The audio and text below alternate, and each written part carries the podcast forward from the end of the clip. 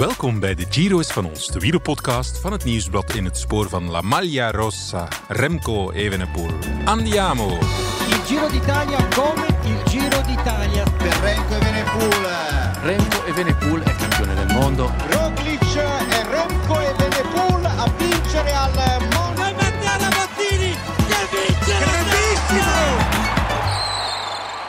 Terramo, wat een heerlijke plek was dat om in de roze trui uit de ploegbus af te dalen. De start van de tweede etappe werd iets na de middag gegeven om 12.20 uur. 20, maar de ploegbus van Soudal Quickstep die arriveerde al voor 11 uur, ruim op tijd dus. Die ploegbussen die staan in een zone die met naders is afgezet en in de Tour de France zijn het echt gekke toestanden aan die naders. Maar hier niet. Hier was het echt relatief rustig. Quickstep kon dus rustig genietend in het zonnetje ontwaken. En eh, Francesco Moser, de winnaar van de Giro in 1984, die kwam zelfs ciao zeggen. Vooral met Patrick Lefevre praatte hij heel lang. De massa stond dus niet rond de ploegbussen, maar die had zich verzameld in het sfeervol centrum van het stadje in de Abruzzen, Teramo dus. Evenepoel die wachtte uiteraard tot het laatste moment om zich naar het podium in de massa te begeven. Eerst kwam Umi nog even goeiedag zeggen aan de ploegbus. En op het podium in Terrano werd Evenepoel van alle renners het luidst aangemoedigd. La Maglia Rossa kreeg zelfs meer applaus dan de Italiaanse chouchou Filippo Ganna. E con il numero uno, with the number one, la maglia rosa, Remco Evenepoel.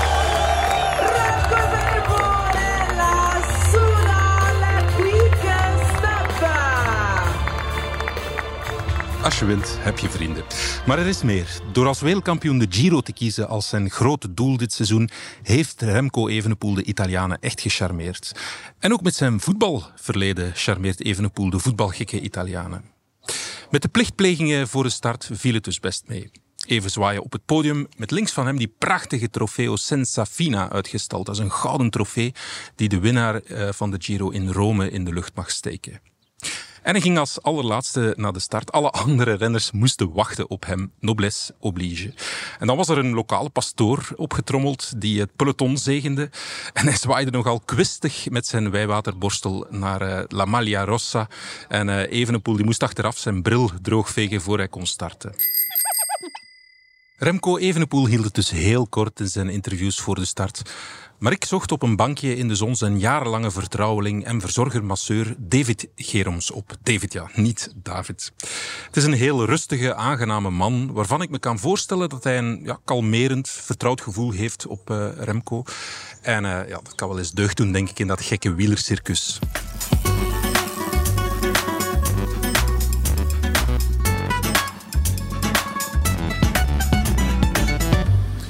Zit hier op een bankje in de zon bij de startplaats met David Geroms. Ja, David, jij moet je misschien even voorstellen wie dat jij bent. Je hebt een eh, zeer lange link die heel lang teruggaat met eh, Remco Evenepoel. Leg eens uit aan de luisteraars die dat, die dat niet zouden weten.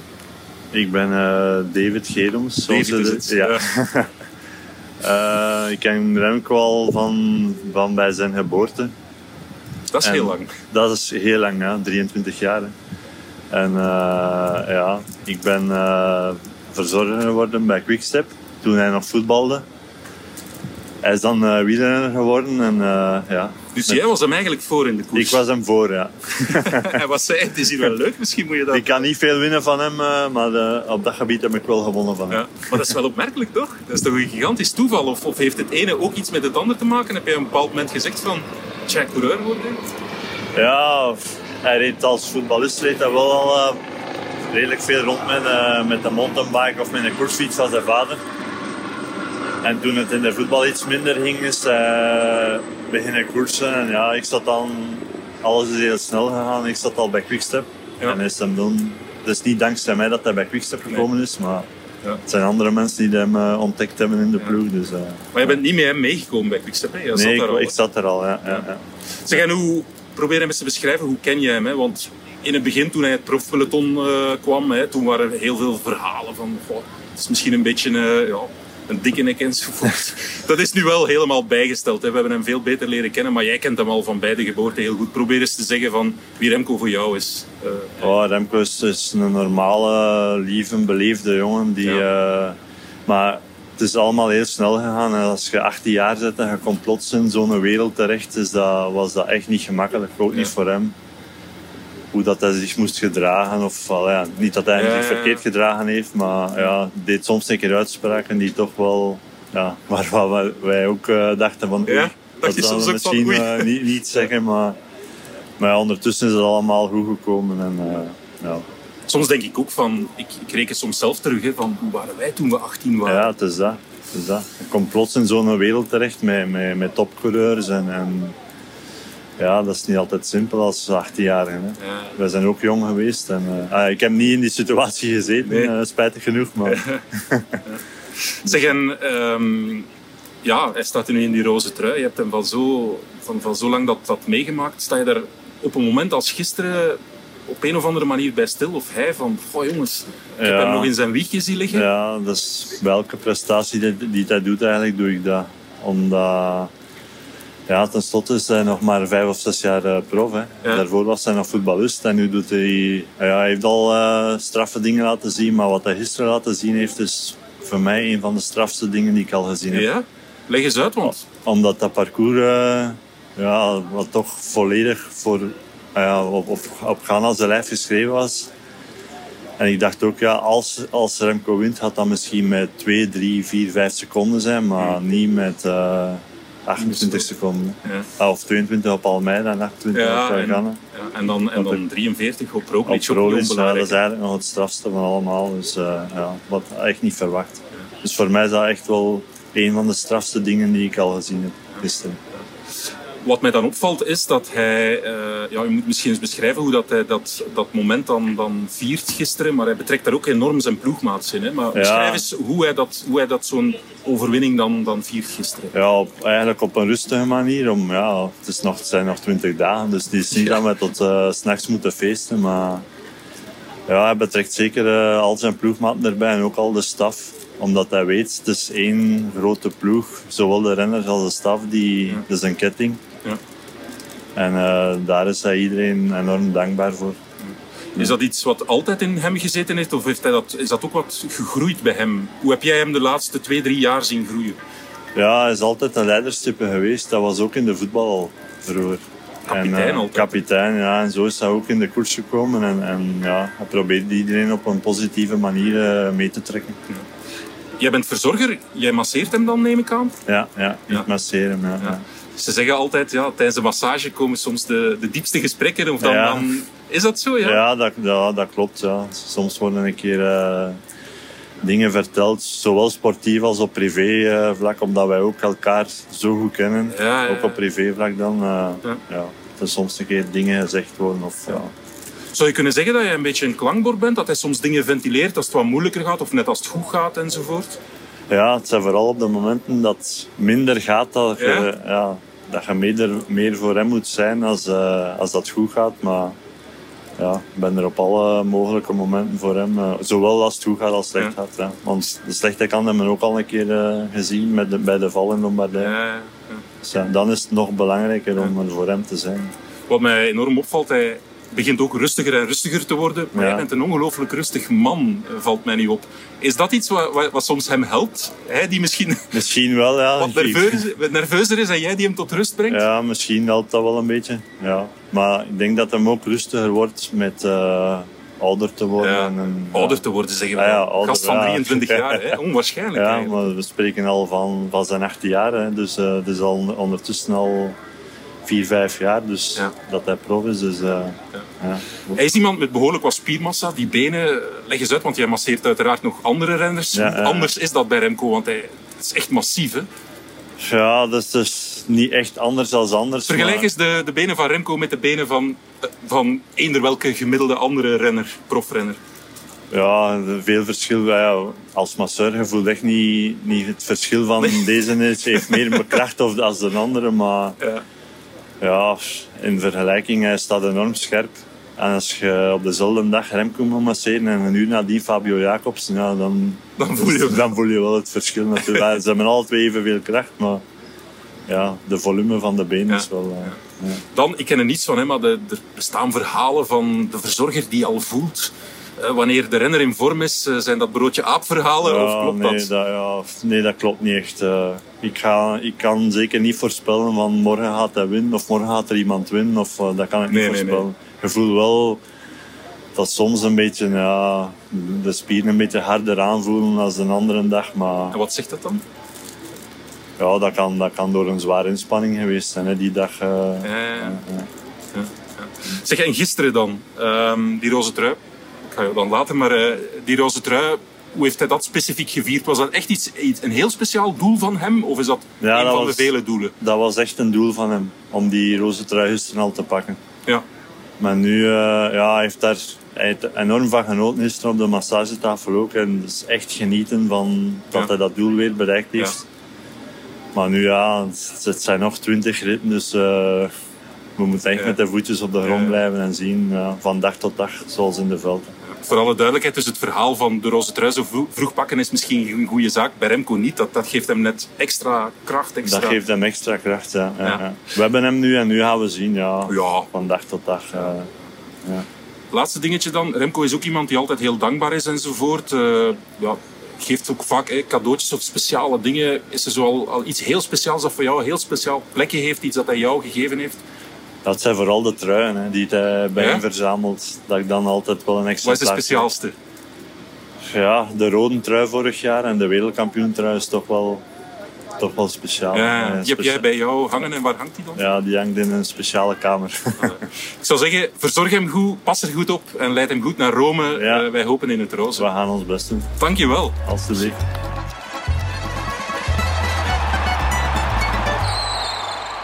De tweede etappe van deze Giro, gewonnen door de 22-jarige Italiaan Jonathan Milan, was slaapverwekkend.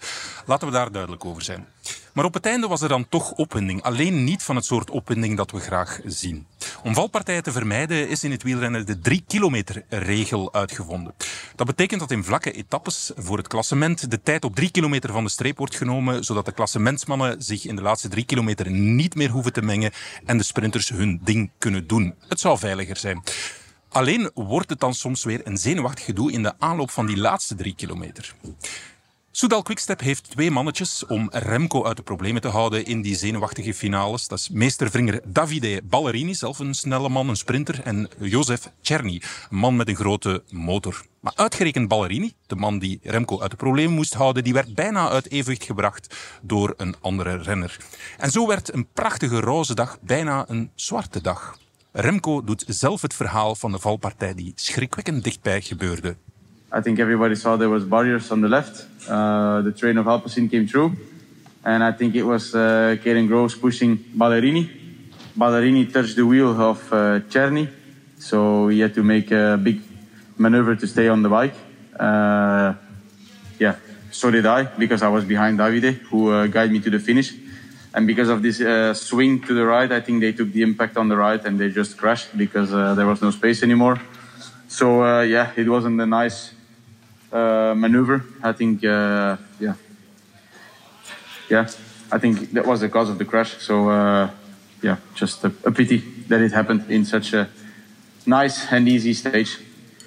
On the moment itself, I was just uh, happy to avoid the crash. Uh, because yeah, if you hear the sound of a crash and you look behind and you, you see nobody anymore, it's quite it's quite a shock. Um, but then after that, you just have to focus because it was still three kilometers to go, so you need to stay up on the bike. Um, but we, we discussed with the guys before that we wanted to stay that I wanted to stay in the front till three kilometers to go, then drop back because then it's uh, up to the sprinters, and I don't want to be to interrupt the plans of the sprinters because, uh, in my opinion, that's a kind of uh, oh, how you call it, uh, a way of respect between the sprinters and the GC guys. So uh, I don't want to interrupt them. But of course, yeah, uh, you have to stay focused. You have to stay on the bike, especially with the last roundabout in the right corner. You don't want to go on the ground uh, because the stage was so easy that you, um, yeah, you just want to stay out of trouble. And uh, luckily for us, nobody was involved, so uh, we can uh, forget today and look forward to tomorrow. Ploegmakker Ilan van Wilder die zat iets verderop en die werd opgehouden door renners die gevallen waren. Toen hij aan de ploegbus kwam, had hij er flink de pest in. Hij voelde de nervositeit in het peloton stijgen en hij had zelfs een voorgevoel dat het mis zou lopen. Ze hebben die drie kilometer regel om het zo gezegd wat veiliger te maken, maar ja, dan zie je dat je eigenlijk de problemen een beetje verlegt, toch? Of niet? Ja, ja, ik vind het moeilijk. De, ik vind het moeilijk, eh, ja, ja. Ja, ik weet niet goed wat dat je er tegen kunt doen. Het is... Ja, het was op, eh, wat was het, 3,5 kilometer of zo. Het is toch nog eens een waarschuwing, hè, want het is zo'n mooie dag in het roze. Het, is, eh, het lijkt een rustige dag en dan op het einde moet je toch nog opletten. Hè? Ja, ja, zeker weten. allee. Maar je voelt het zo aankomen dat het ging gebeuren. Ja? Dus Ja, zin, ja. nervositeit. Ik was super nerveus op 30 van de meet al, dus... Ja. Toch een beetje kunnen genieten van eh, de roze trui Ja, ploeg ja, vandaag, ja. gisteren ook. Ja. Ja, ja, ja. Het, was, eh, het was een mooie dag. Oké, dankjewel. Maar laten we niet vergeten dat het tijdens de etappe vooral genieten was van het roze. Er was zelfs tijd voor een high five met Oemi, die haar echtgenoot verraste door op een bergje langs de kant van de weg te supporteren. Yes, it's pretty special because, of course, uh, already since the winter we knew I was going to do the Giro, so it was a pretty big goal to uh, win a stage and uh, wear the jersey. So yeah, now that she's here and she can live it together with me is uh, pretty special. And uh, I actually didn't know she was standing up on the climb because I thought she was going to go from start to finish. So uh, I was pretty surprised and uh, and then I just yeah gave her a high five because I think tomorrow she goes back to Belgium. So it was a kind of a last moment that we could uh, cherish together. En het laatste woord, dat was voor Patrick Lefevre, de grote baas. Ik vroeg hem hoe het roze feestje na de tijdrit was geweest. En ik peilde ook naar de teamgeest die Remco Evenepoel als een echte kopman op zo'n momenten tentoonspreidt. Maar uiteraard begonnen we met de crash. Die was toen nog maar enkele minuten vers. De baas van Soudal Quickstep had een diepe zucht van opluchting geslaakt. Dit soort etappes toont ook aan waarom zijn ploeg zich in deze Giro helemaal afzijdig zal houden in de sprints. Patrick, we staan hier nu eh, bij de aankomst. Ja, dan denk je een, een etappe waarin eigenlijk weinig gebeurt. En dan helemaal op het einde is er toch een valpartij. Gelukkig zat Remco goed vooraan, maar je ziet het zit in een klein hoekje allemaal. Ja, maar dat heb ik altijd gezegd, hè, dat de ronde Magdalena is de Rome. Als je over de lijn bent, eh, en zeker die nervositeit voor de spurt. Het was eigenlijk bijna een aangekondigde valpartij. Het gebeurt altijd. En wij zitten dan in een andere positie, we hebben geen spurter mee. En eh, we proberen uit de varenzone te blijven. Dus eh, wij we tellen af naar de drie kilometer. Ja, en voor de die dit goed gezien hebben, het was voor de drie kilometer. Hè. Dus Ja, zou ze ze het bijna op. Hè? hij zou het er maar bij leggen. Hè. Ja. Ballerini die is hier, dat is ook eigenlijk een snelle man, maar dat is duidelijk Ja, niet nee. sprinten hier. Hè? Nee, dat is louter een dienst. Of dat we er uh, het laatste moment hebben we er twee moeten vervangen. Um, maar nadat hij ja, mentaal ook niet klaar was, na, na nogthans veel werk. En dan uh, Nox, ziek geworden. Ja. En, uh, ja. Maar dan, het was een moeilijke keuze, maar ik denk, ja, bon, voor, uh, voor dingen uit de varenzone te houden, Remco, Ja. soms goed zijn en Ballerini, die kan wel wat wringen. Dus. Maar dat is duidelijk ook voor hem. Hè? Alles op Remco. Ballerini moet niet hier eh, zelf eh, een ritje nee, gaan uitpikken. nee, nee, nee. Zeg terug naar gisteren. Eh, ja, hoe was het feestje? Eh, what happens in Italy stays in Italy. Maar probeer ons toch een klein beetje mee te nemen naar het, Nee, nee, ik ben zo niet. het kleine feestje. Uh, ja, dat is goed. We, hebben een kalm. Remco heeft uh, een beetje schuim in uitgegoten en dan uh, een speech gegeven. Ja. Je te bedanken. En um, dan zijn wij met staf uh, even in een bus blijven hangen. Ja. Zo. Wat opvalt, Remco die betrekt in die speeches, in die viering, echt altijd de hele ploeg erbij. Ik geloof dat er nu zelfs de mechaniciëns en dergelijke meer bedankte die hè, de tijdritfiets in orde gezet Ja, maar dat is normaal, ja, omdat in zo'n rit zoals gisteren, dat, uh, is dat voor de mechaniekers wel uh, echt stressen. En, uh, nee, alles moet op punt staan, mag niks gebeuren. Ja. Dus, maar daarin zie je toch dat hij het team erbij betrekt, dat hij echt uh, als leider aan iedereen denkt. Het is niet ik, ik, ik, het gaat over wij nee, allemaal. Nee, nee, hij heeft dat altijd gedaan trouwens. Hè. Uh, zelfs als hij nog maar 19 was. Hmm. Mm. Hij voelde ook wel in, in zijn speech dat hij uh, matuur geworden is. En, ja. ja, ik vind het wel. En ik denk dat de mensen dat wel plezier doen ook. Het is een dankbare ja, kopman. Absoluut, absoluut. Maar dus al... Ik, ik heb nog niet veel ondankbare kopman gezien, moet ik zeggen, nee. in de laatste jaren. En dan zoals er bij ons denk ik ook wel op gewezen worden.